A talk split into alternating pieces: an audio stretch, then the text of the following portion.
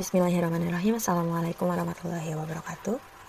Kembali lagi di podcast apa Sharing about Public Administration. Kali ini bersama saya Indriani Salah satu mahasiswa program studi administrasi publik Universitas Muhammadiyah Bandung. Di episode kali ini saya akan membawakan tentang konsep dan penerapan pengambilan keputusan. Jadi konsep dasar pengambilan keputusan uh, Banyak beberapa orang mungkin bertanya mengapa ada matkul ini? Pengambilan keputusan kok dipelajari gitu. Uh, mungkin jawaban sederhananya uh, ibarat bukan ibarat sih kata benar itu adalah suatu hal yang bisa dilakukan tanpa belajar konsep. Namun akan lebih berisi namun akan akan lebih berisi padat ketika kita mengambil keputusan tapi ada dasarnya. Langsung aja ke pembahasannya gitu dalam pengambilan keputusan itu biasanya diambil oleh pimpinan utama. Karena uh, karena ini berkaitan dengan kebijakan. Dalam organisasi itu biasanya tuh ada tiga level secara umum. Level pertama pimpinan utama pimpinan menengah dan staff di mana bagian staff ini bagian pelaksana. Staff ini tidak perlu menghabiskan energi yang banyak untuk berpikir tentang kebijakan perusahaan fokus fokus dari staff ini kerja karena bagian kebijakan ada porsinya masing-masing. Ketika staff berpikir mengenai kebijakan, maka energinya terkuras habis untuk berpikir banyak hal. Sedangkan pimpinan utama, pemimpin utama itu sangat dihindarkan untuk melakukan kebijakan teknis. Karena fokusnya adalah memikirkan dan merenungkan bagaimana kebijakan itu diambil oleh perusahaan atau organisasi. Dan pimpinan menengah lah yang uh, dia perlu untuk belajar berpikir tentang kebijakan tapi mampu untuk melakukan teknis memahami teknis. Uh, dalam pengambilan keputusan uh, kegiatan ini merupakan kegiatan ini pimpinan yang dapat dijumpai pada semua tingkatan dan semua bidang manajemen. Pada umumnya suatu keputusan dibuat dalam rangka menyelesaikan memecahkan suatu masalah Eksistensi seorang pemimpin dalam kepemimpinannya dapat dilihat dari berbagai bentuk kebijakan dan keputusan yang diambil. Menurut Nawawi, eh, bahwa organisasi hanya akan berfungsi jika para pemimpin memiliki kemampuan mengambil keputusan dan memerintahkan pelaksanaannya kepada anggota organisasi sesuai dengan bidang tugas dan tanggung jawab. Eh, terus ada pengertian pengambilan keputusan Uh, kata keputusan berarti menentukan, mengakhiri, menyelesaikan, mengatasi. Keputusan adalah meng pengakhiran daripada proses pemikiran tentang apa yang dianggap sebagai, sebagai masalah, sebagai suatu yang di suatu yang merupakan penyimpangan daripada yang dikehendaki, direncanakan atau dituju dengan menjatuhkan pilihan pada salah satu alternatif pemecahannya. Menurut Siagian, Pengambilan keputusan merupakan suatu pendekatan yang sistematis terhadap suatu masalah yang dihadapi. Dapat diartikan bahwa pengambilan keputusan adalah memilih dan menetapkan suatu alternatif yang dianggap paling tepat dari beberapa alternatif yang dirumuskan. Keputusan itu bersifat fleksibel, analitis, dan mungkin untuk dilaksanakan dengan dorongan sarana, prasarana, dan sumber daya yang tersedia berupa manusia dan material. Uh, jadi dalam pengambilan keputusan ini ada yang perlu diwaspadai adalah pimpinan-pimpinan yang terlalu percaya diri gitu. Uh, kayak sembarang mengambil keputusan, merasa sudah perfect tapi tidak jelas dasarnya apa. Nah, itu mungkin yang harus dihindari dalam pengambilan keputusan. Makanya perlu ada apa? rapat pimpinan itu gitu. Terus uh, mengapa atau apa sih alasannya yang mempelajari pengambilan keputusan? Untuk pimpinan untuk pimpinan pengambilan keputusan ini setelah mempen, aduh setelah mempelajari berpikirnya akan lebih lancar karena kualitas dirinya karirnya berpengaruh dengan pengambilan keputusan yang tepat gitu.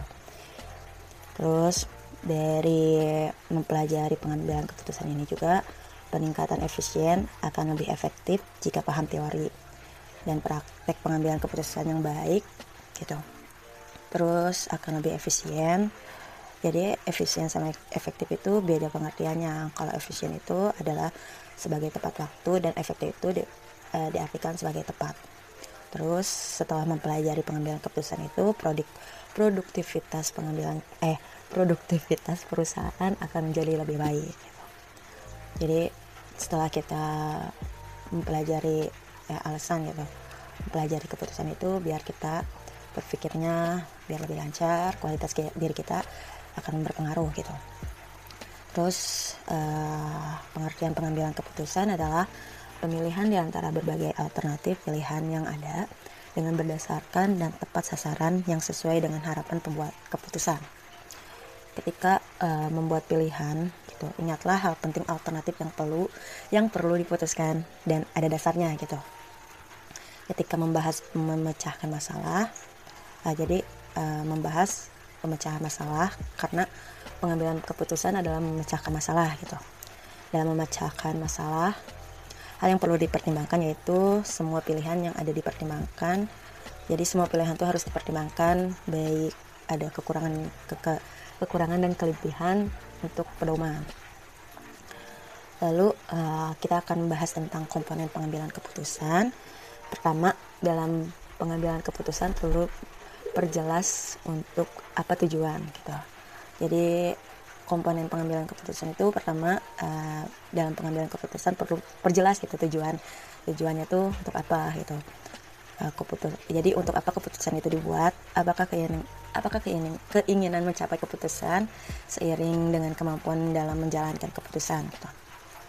Terus kedua adalah eh kedua dalam komponen pengambilan keputusan itu identifikasi alternatif.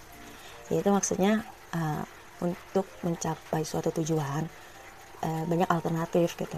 Tapi tetap pertimbangkan dampak dari alternatif alternatif yang diambil. Kemudian uh, yang ketiga mungkin ya.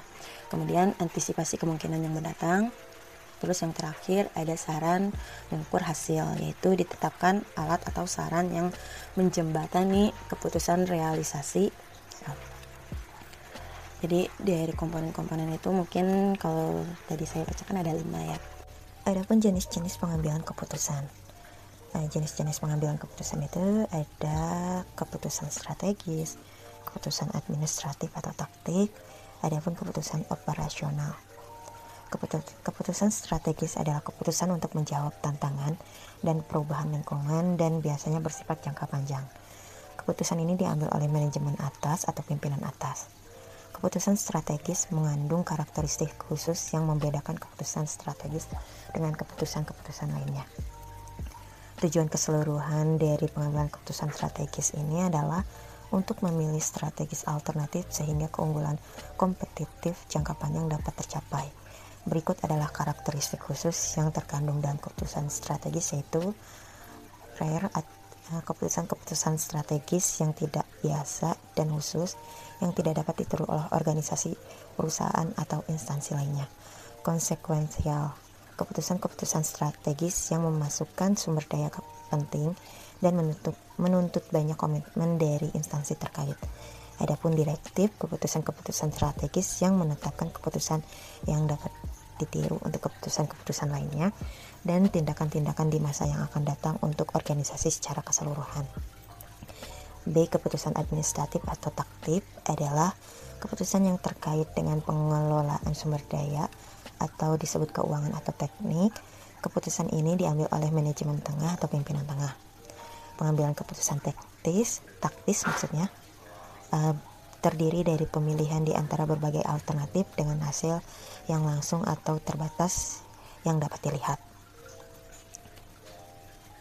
Beberapa keputusan taktis cenderung bersifat jangka pendek, sering kali mengandung konsekuensi pan konsekuensi jangka panjang. Tujuan keseluruhan dari keputusan strategis adalah untuk memilih strategis alternatif sehingga keunggulan kompetitif jangka panjang dapat tercapai. Pengambilan keputusan taktis harus mendukung tujuan keseluruhan ini, meskipun tujuan langsungnya berjangka pendek. Terus ada keputusan operasional. Keputusan operasional ini, ini adalah keputusan yang berkaitan dengan kegiatan operasional sehari-hari. Keputusan ini diambil oleh manajemen bawah atau disebut staff. Keputusan operasional sangat menentukan efektivitas keputusan strategis yang diambil, eh maksudnya dimambil oleh para manajer puncak Keputusan operasional ini dilakukan untuk menjalankan kegiatan organisasi sehari-hari atau dilakukan dalam rutinitas organisasi demi berjalannya organisasi tersebut. Keputusan ini biasanya diputuskan tanpa meminta pendapat dari pimpinan terlebih dahulu. Jadi langsung diputuskan saat itu juga. Contoh, uh, customer service yang harus melayani setiap keluhan pelanggan dan memberikan solusi saat itu juga. Terus ada faktor mempengaruhi pengambilan keputusan ini menurut Terry uh, faktor-faktor yang mempengaruhi dalam pengambilan keputusan yaitu satu uh, hal-hal yang terwujud oh, maksudnya hal-hal yang berwujud maupun yang tidak berwujud yang emosional maupun rasional perlu diperhitungkan dalam pengambilan keputusan. Uh, terus setiap keputusan harus dapat dijadikan bahan untuk mencapai tujuan setiap keputusan jadi setiap keputusan jangan berorientasi pada kepentingan pribadi, tetapi harus lebih mementingkan kepentingan. Terus ada ja, dari pengambilan keputusan faktornya jarang sekali pilihan yang memuaskan. Oleh karena itu buatlah alternatif alternatif tandingan. Kemudian pengambilan keputusan merupakan tindakan ini harus diubah menjadi tindakan fisik. Pengambilan keputusan juga uh, yang efektif membutuhkan waktu yang cukup lama.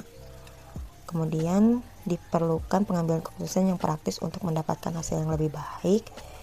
Poin yang selanjutnya, setiap keputusan hendaknya dilembagakan agar diketahui keputusan itu benar. Yang terakhir, setiap keputusan merupakan tindakan permulaan dari segi kegiatan mata rantai berikutnya. Adapun prinsip-prinsip pengambilan keputusan dalam organisasi yaitu uh, menurut Piazza Hertian Prinsip-prinsip dari pengambilan keputusan yaitu dapat dibedakan dengan jelas antara pengambilan keputusan dengan pemecahan masalah. Poin selanjutnya, pengambilan keputusan harus selalu dilihat dalam kaitan dengan tujuan-tujuan yang hendak dicapai. Terus, sebab pengambilan keputusan sering mengandung faktor-faktor mereka, maka selalu diperlukan data penunjang dan analisa yang komprehensif dalam pengambilan suatu keputusan.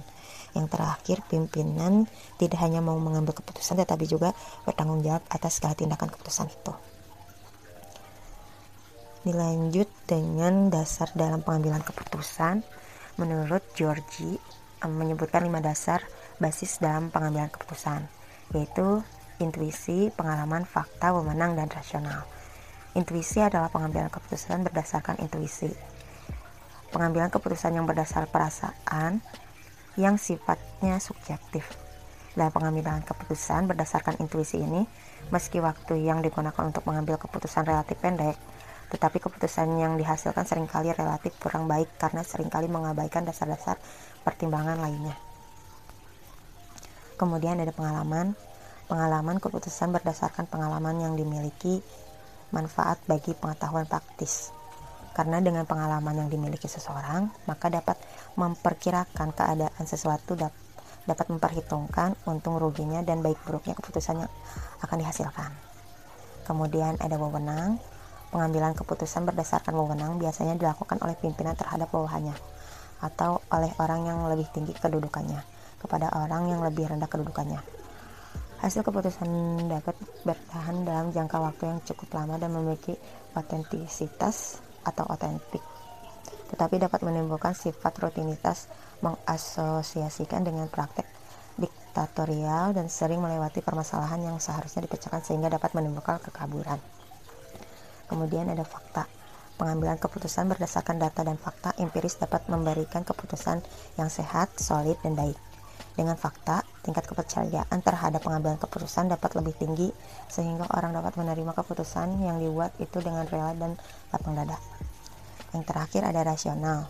Pada pengambilan keputusan yang berdasarkan rasio, keputusan yang dihasilkan bersifat objek, objektif, logis, lebih transparan dan konsisten untuk memaksimumkan hasil atau nilai dalam batas kendala tertentu, sehingga dapat dikatakan mendekati kebenaran atau sesuai dengan apa yang diinginkan. Pengambilan keputusan secara rasional ini berlaku sepenuhnya dalam keadaan yang ideal. Pada pengambilan keputusan secara rasional dapat terdapat beberapa hal sebagai berikut. Ke satu, kejelasan masalah, yaitu tidak ada keraguan dan kekebaruan masalah. Kedua, orientasi tujuan, kesatuan pengertian tujuan yang ingin dicapai. Terus pengetahuan alternatif keseluruhan alternatif diketahui jenisnya dan konsekuensinya. 4. Preferensi dan yang jelas alternatif bisa diurutkan sesuai kriteria. Kemudian yang terakhir ada hasil maksimal. Pemilihan alternatif terbaik berdasarkan atas hasil ekonomis yang maksimal.